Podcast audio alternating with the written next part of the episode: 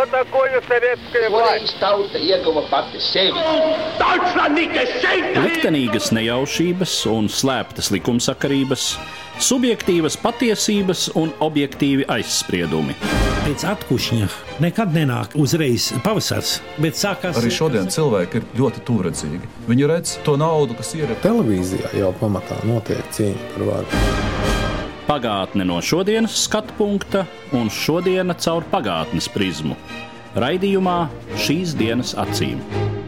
Katru svētdienu Latvijas radio eterā Eduards Liniņš.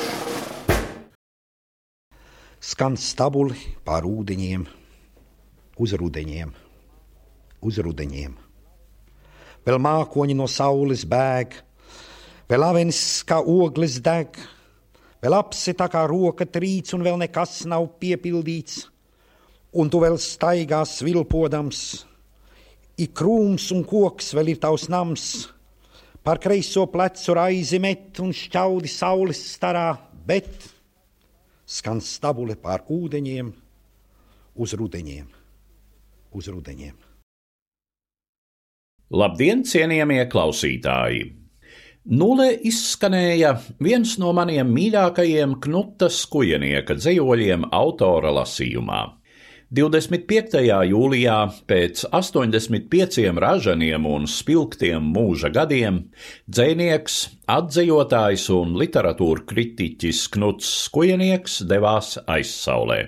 Līdztekus izcilam devumam latviešu literatūras procesā, Knuta Skujenieka mūžu iezīmē arī padomju režīma politieslodzītā gaitas, proti 1962. gadā viņš tika notiesāts par pretpadomju aģitāciju un propagandu un neziņošanu par personu, kura bija izteikusi padomju savienībai naidīgus viedokļus. Nākamos septiņus gadus dzēnieks pavadīja stingrā režīma kolonijā Mordovijā.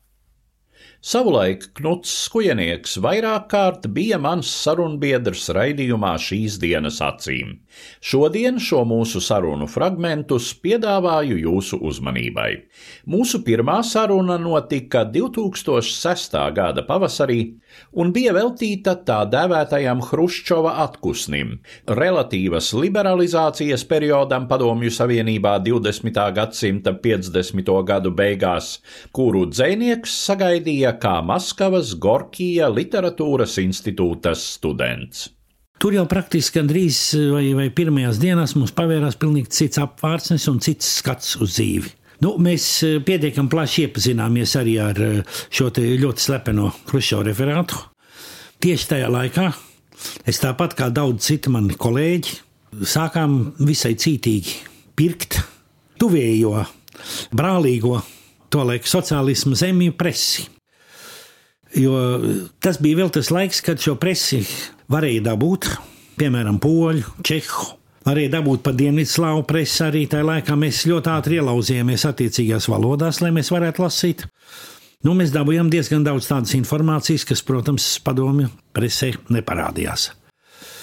Un ļoti drīz, respektīvi jau oktobrī, sākās viens no lielākajiem, teiksim, tās desmitgades notikumiem.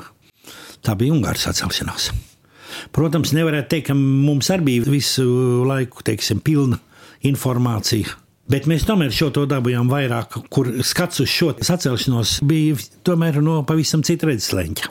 Protams, tas atsaucās arī uz mūsu studentu dzīvi ārkārtīgi vētraini. Vispirmkārt, jau lielai daļai, sevišķi to studentu, nu, es domāju, ka galvenokārt šī gadījumā krievu studentus. Tie, kuri bija teiksim, jau ilgadīgi partijas biedri, stāži, jo mums bija diezgan daudz arī padzīvojuši cilvēki jau studentu vidū. Tas bija armijā, flotē, kur izdienējuši un tā tālāk. Šie cilvēki viņi nonāca absolūtā prostrācijā. Bija tādi, kas mēģināja darīt pašnāvību, bija tādi, kas nodzērās un tā tālāk. Jo viņiem bija atņemta, kā saka, pēdējā ticība starp krievu kolēģiem. Bija daži tādi, kuri bija jau amnestijas rezultātā bija atbrīvojušies no lēģeriem, pēc tam sāka parādīties arī rehabilitēti pasniedzēji.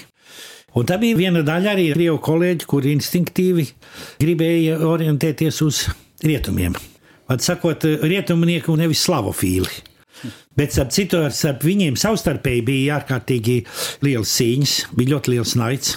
Un eh, šie rietumnieki, protams, uzturēja kopīgu fronti ar mums. Un, saka, mēs diezgan eh, iespēju robežās spēcīgu pretsparu devām šiem, te, šiem te slavofīliem. Bija ļoti, kā saka, atklātas diskusijas, arī, piemēram, semināros, vai tas būtu Pēteras vēstures vai marksismu semināros. Es atceros, ka man speciāli lūdz stāstīt par eh, sociālistiskiem pārkārtojumiem jaunajās padomju republikās 40. gadā. Viņi saka, reiz esot dzīves biedrs no turienes. Nu, tā es arī attiecīgi stāstīju. Stāstīju par Molto-Ribbentrop paktu, stāstīju par 40. gada notu vai ne, un par to vispirms tam par 39. gada līgumu un bāzēm, un attiecīgi vispārējo, un, un īpaši nekautrēdamies. Vēlākā laikā es to diez vai būtu varējis. Pašas padomju varas, teiksim, eksistence un tālāk īpaši neapstrīdēja. Jo vienkārši likās tā, ka, nu, spriežot pēc Hruščova referāta, ka, nu, pietiek, ka saka, tur to tagad patīrīt, uzlabot, reformēt, un tad jau viss būs ok. Ir jau zīmīgi, kad eh, pēc atkušņa nekad nenāk uzreiz pavasars, bet sākās, kas saka, jauns ziemas sals. Un tas arī notika. Varbūt sacīsim, ka Maskavā tas nebija varbūt caurmērā tik ļoti jūtams, varbūt kā tas bija Latvijā. Bet jau sākās, jau ir faktiski pāris gadu vēlāk, sākās piemēram Boris Pasternaka rīdīšanas kampaņa sakarā Nobela vai ne, un tā tālāk. Tas viss krājās. Pēc tam, protams, nāca atkal atplūdi jau 60. gadu sākumā, jau Hruščovs bija nokaitināts un uzvarēts māksliniekiem, pēc tam arī tādiem, tādiem kolēģiem kā Andriem Vosņesenskim un Jevgeņiem Jevtušenko. Bet situācija jau bija cita. Tas nozīmē, to, ka vairs nevarēja rīkoties tā, kā rīkojās Staļina laikā. Jo, piemēram, teiksim, tēlnieks Anisņīs Viesnīs, kurš gan dabūja pēc tam emigrēt, bet viņš skaidri un atklātā tekstā pateica, ka Hruščovs šajos jautājumos, par ko viņš runāja, nejēga. Bet vēl 50. gados Hruščovs pats ir pilns spēku un, un lieta ir tāda, ka šie vecāki var no viņa raustās. Tā viņš var atļauties visādas savas eh, kaprīzes, vai ne, un visādas bezmaz cirkus trikus, ko viņš ir taisījis. Bet man liekas, ir viena lieta, kas ir pati svarīgākā. Ka viņš absolūti, jau varētu teikt, demaskēja padomju vadoņu dievības ideju. Jau sākot ar Leņķinu, un pēc tam ir īpaši Staļinam, Hruščovu vairs neviens nedēvināja. Par viņu smējās, par viņu stāstīja anekdotas. Viņš zināmā mērā pataisīja visu šīs impērijas vadību, viņš pataisīja pa klaunādi savā ziņā. Tas ir milzīgs nopelns, ja teiksim, skatoties uz šodienas acīm. 1961. gadā absolvējis literatūras institūtu Knuts Skujenieks atgriezās Latvijā. Var teikt, ka šeit atpūsnis bija beidzies jau 1959. gadā ar tā dēvēto nacionālu komunistu sagrāvi. Rīgā valdīja reakcionārais neostaļiniskais Arvīda Pelšas režīms. Knuts Skujenieks kļuva par vienu no pirmajiem un vienu no spilgtākajiem šī režīma upuriem. 1962. gadā viņš saņēma reālu un pamatīgu cietumsodu par darbībām, kuras stingri ņemot pat nebija vērstas pret padomju varu Latvijā. Es teikšu tā, un varbūt tas arī viens no iemesliem, kāpēc es, eh, es tā diezgan fiks iekritu. Bija tas, kad es eh, redzēju, teiksim, visu Latvijas situāciju no tās situācijas idiotiskās puses. Jo bez šaubām, ka idiotismu visā šajā, te, teiksim, Pelšas režīmā un tā tam līdzīgi bija pāri pa mēru. Es gluži vienkārši par to smējos. Katrā ziņā es biju pieredzējis liberāli uzvesties un liberāli runāt, to man bija iemācījis Maskavā, ne, un arī faktiski vēl to īsto atkušņa izbeigumu Maskavā es vēl nebiju izbaudījis tomēr, vai ne? Viņš sākās praktiski kaut kur apmēram ar manu arestu laiku. Pēc tam izrādījās, ka tas viss ir saistīts vienā ķēdē. Piemēram, es ļoti brīnījos, kāpēc uh, izmeklētāji man šī te, Rīgas čekā tā interesējas par manu pazīšanos ar Jevtušenko Vozņesenski. Un tikai tad, kad jau pēc viss pēc tiesas, ka es jau braucu etapā vai ne jau ar Stolīpinu vāģīgi slavenajā, un um, tur es dabūju avīzi, dabūju ģiķeru turnē gazetu. Un tam man kļūst skaidrs, kāpēc viņi ir interesējuši, jo, jo tad bija visi šie te bļāvieni uz māksliniekiem, uz zvejniekiem un tā tālāk no Hruščova puses. Tā kā principā jau kampaņa kaut kāda jau veidojās jau tad, un savā ziņā arī man tur piepulcēja savā ziņā kā vietējo kadru. Jāsaka tā, ka es nenovērtēju tomēr arī šīs Latvijas, tā varētu teikt, tā neostaļinisma bīstamību. Nu, tas viss tā varētu būt, jo, teiksim, pietiekams politisks pieredzes man nebija, vai ne? Kas, to rūdījumu es dabūju tikai pakāpeniski, vai ne, un drusku citos apstākļos. Bet paldies Dievam pamatīgu. Tas ir vairāk vai mazāk tā uz tādu nostāstu līmeņa, vai ne? Bet laikam tomēr ir tā, ka bija paredzēts prāvas represijas arī pret daudz redzamākiem rakstniekiem. Jo es biju ļoti piemērota kandidatūra, teiksim, ka vispirmām kārtām es nebiju ne rakstnieks savienības biedrs. Man grāmatas nebija, man bija tur viena otra publikācija tikai. Tā pašā laikā man zināja sevišķi, teiksim, man viena auģa un, teiksim, jaunāku un tā tālāk. Un no dabīgi tie ar lipa man riņķī, jo, domār, es atbraucu kaut kur no drusku plašākiem ūdeņiem, bija pa ko runāt un ko viņam stāstīt un ko rādīt un tā tālāk. Un mēs arī runājām ar kolēģiem par to, ka mums vajadzētu tomēr kaut kādā veidā mainīt mūsu kultūras politiku. Sevišķi attiecībā rakstnieku savienības vadību un tā tālāk izmantojot kongresu un tā. Nu, tas jau viss tika patiešām aiznesis. Par to mums runas bija, bet tas nekādā veidā netika protokolēts. Ne? Jo par tādām lietām apsūdzēt, tas būtu bijis drusku pa skandalozu. Nu, tā ir kaut kāds formāls iegansts, vai ne? Knuts Skujnieks ir viens no ļoti nedaudziem latviešu literātiem, kurš nonāca ieslodzījumā jau pēc staļinisma perioda beigām, salīdzinoši maigākajā Hruščova un Brežņeva varas periodā. Tomēr arī šī pieredze bija gana skarba. Pats dzinieks gan saka, arī norūdoša. Šim etapam Krutas Kujinieka biogrāfijā samērā daudz pieskārāmies mūsu sarunā 2008. gada augustā, kas bija veltīta tobrīd nulle aizsaulē aizgājušajam krievu literātam Aleksandram Solženīcinam. Solženīcina vārdu un arī viņa šo pirmo publicēto stāstu es iepazinu burtiski jau pirmajās nedēļās, ieradies manā ieslodzījuma vietā Mordovijas lēģerī. Tas bija 63. gada pavasaris, marts. Protams, šis žurnāla novīm ir numurs, bija uz visstingrāko aizliegts no lēģera cenzūras puses. Tāpat kā ļoti daudz kas bija aizliegts, bet tas nenozīmē, ka tas, kas bija aizliegts, ka tas tur nebija. Jāatzīstas, ka man šis stāsts atstāja ļoti spēcīgu iespaidu. Varētu teikt, tā iespaida varā es esmu vēl šo baltu dienu. Savā ziņā tas iespējas bija tik stiprs, ka pat viņa slavenais arhipelāgs Gulāks. Man vairs tik spēcīgi iespēja neatstāja. Es jau varēju pret to izturēties analītiskāk. Jo šeit ir viens tāds uh, literārs paņēmiens, ka Ivans uh, Deņisovičs ir vienkāršs, neizglītots cilvēks, mūžīgs, kā viņu varētu saukt leģera žargonā. Tā ir viena diena viņa mūžā un veiksmīga diena. Vispirmkārt, viņš nokavējis izvadi uz darbu, nenonāk karcerī. Viņa aizsūta mazgāt grīdas sardzes telpās, un viņš paliek dzīvojamā zonā, vad sakot, uz brīvām kājām. Cik nu tas var būt lēģera apstākļos?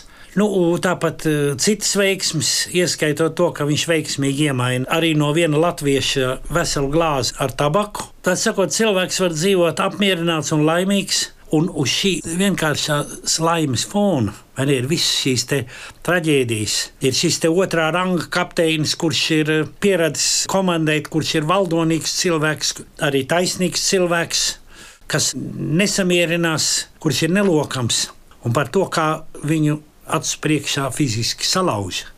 Tas ir ārkārtīgi iespaidīgi. Tieši raugoties šī mazā cilvēciņa un savā ziņā veiksmīgā, vai sakot, no paša lēģera sabiedrības apakšas, bez maz varētu teikt, no lēģera padibenes acīm.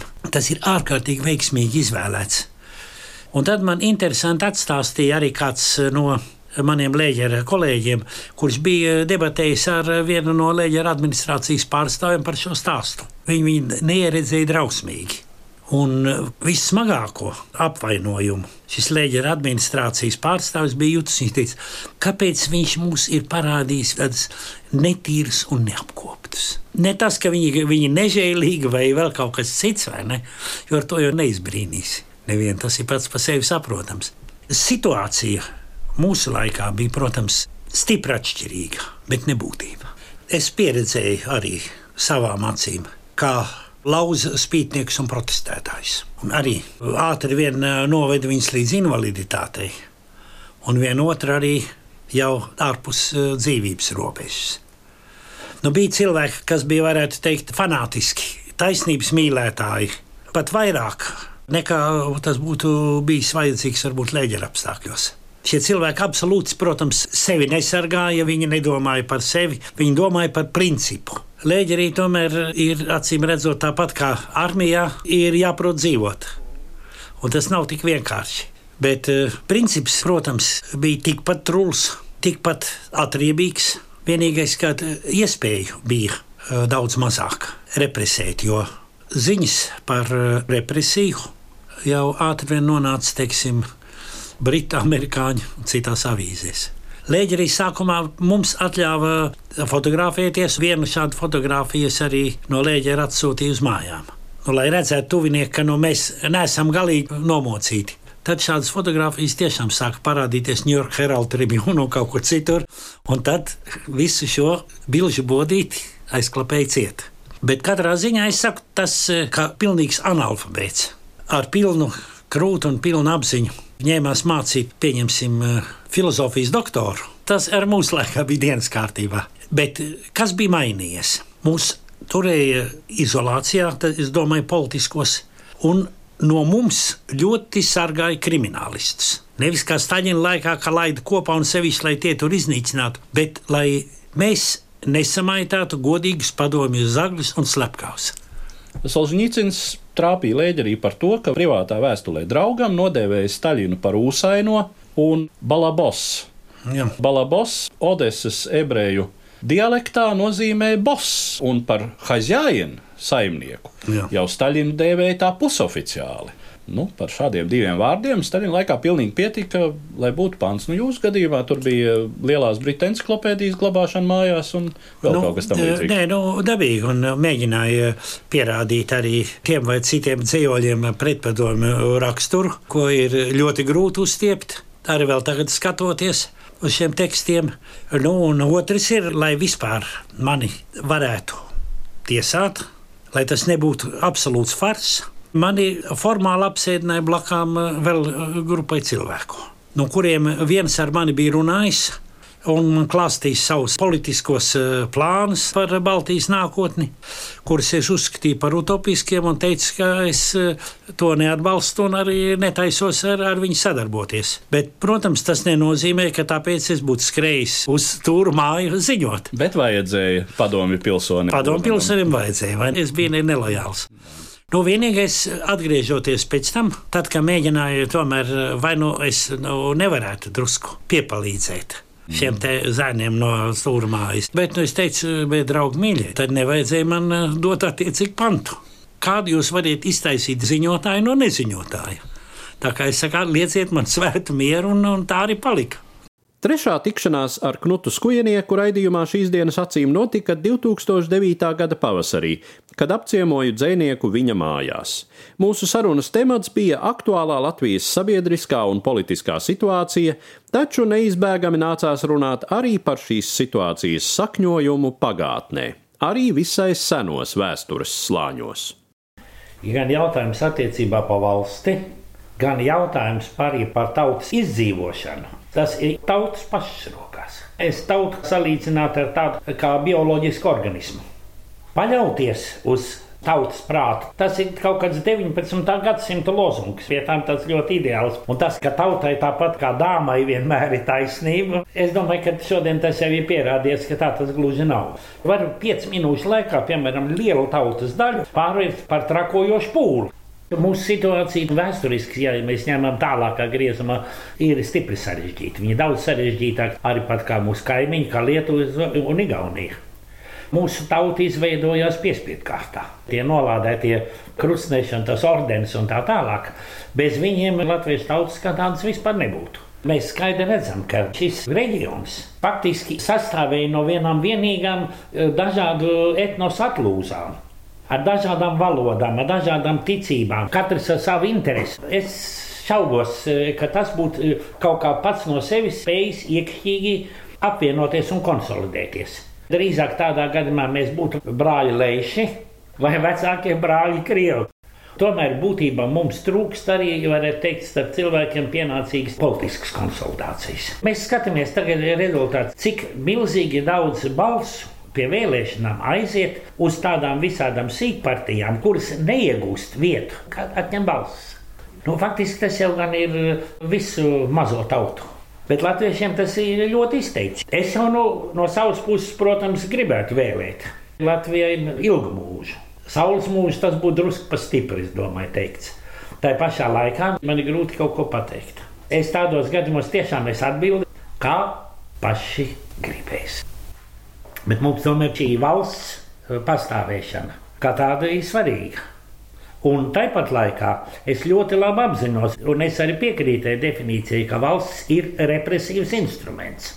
Jebkura mūsu gadu gājumu lielā mērā jau varētu teikt, ir pamaitājis padomju aneksijas režīms. Un vienā ziņā tas ir totalitārisms, tāds eh, izteikts moments, kad valsts savus pilsoņus padara no sevis maksimāli atkarīgus.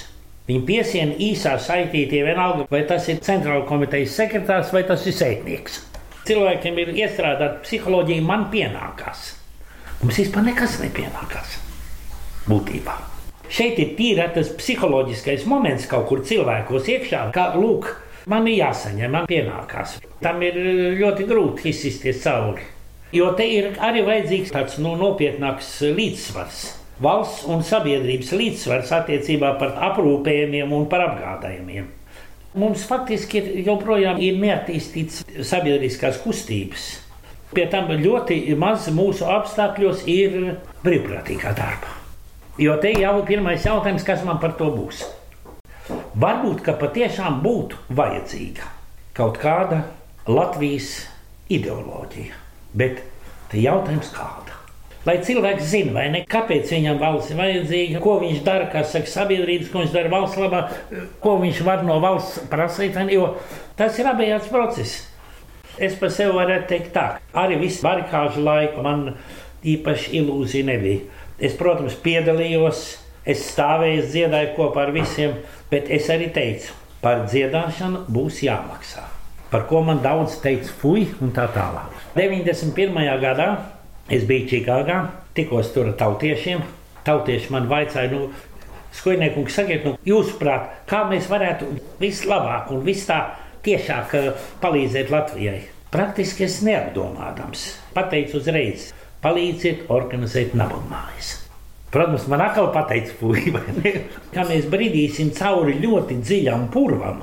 Un mēs nevaram to purvu apiet riņķī ar sausām kājām. Tas man bija skaidrs, pirms mēs to sākām. Tomēr es uzskatu, ka tas viss bija to vērts. Galu galā es arī esmu pietiekami ilgi nodzīvojis, ja varētu teikt, bez savas valsts. Un es viņu pieņemu pretī tādu, kāda viņa ir. Tas ir tā, apmēram tāpat, kā es pieņemu, pieņemsim savus vecākus kuri varbūt ir neizglītoti, kuri varbūt ir alkoholiķi, kuri varbūt vēl kaut kas ir vai ne, bet viņi man vecāki. Es tāpēc es no viņiem neatteiktos. Mums sākot ar eh, vēlētājiem un beidzot ar ievēlētajiem un ieceltajiem, tad šauri egoistisks skatījums uz lietām pārāk. Mūsu sarunas laikā ļoti aktuālas bija šobrīd nedaudz pieklusušās idejas par būtisku satversmes un citu likumdošanas reformu nepieciešamību.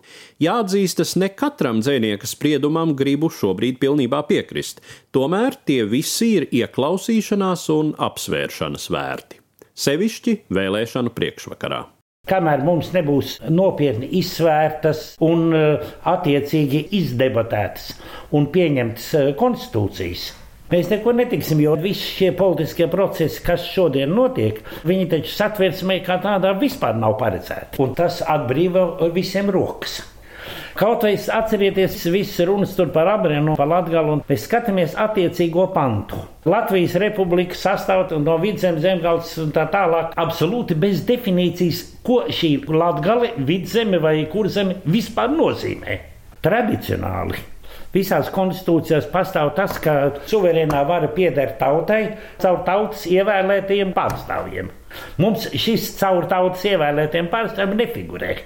Mēs varam šo tā dēvēto tautas varu gala rezultātā pārvērst par vienkārši pūļa jeb ohlokrātiju. Tam nav nekādas robežas, un demagoģijas iespējas ir bezgalīgi. Nerunājot par to, ka tur ir toties sarakstīta tāda skaista lieta, kā laulība. Jā, nu vienīgais es brīnos, kāpēc tur nav ierakstīts, ka pīpēti kaitīgi.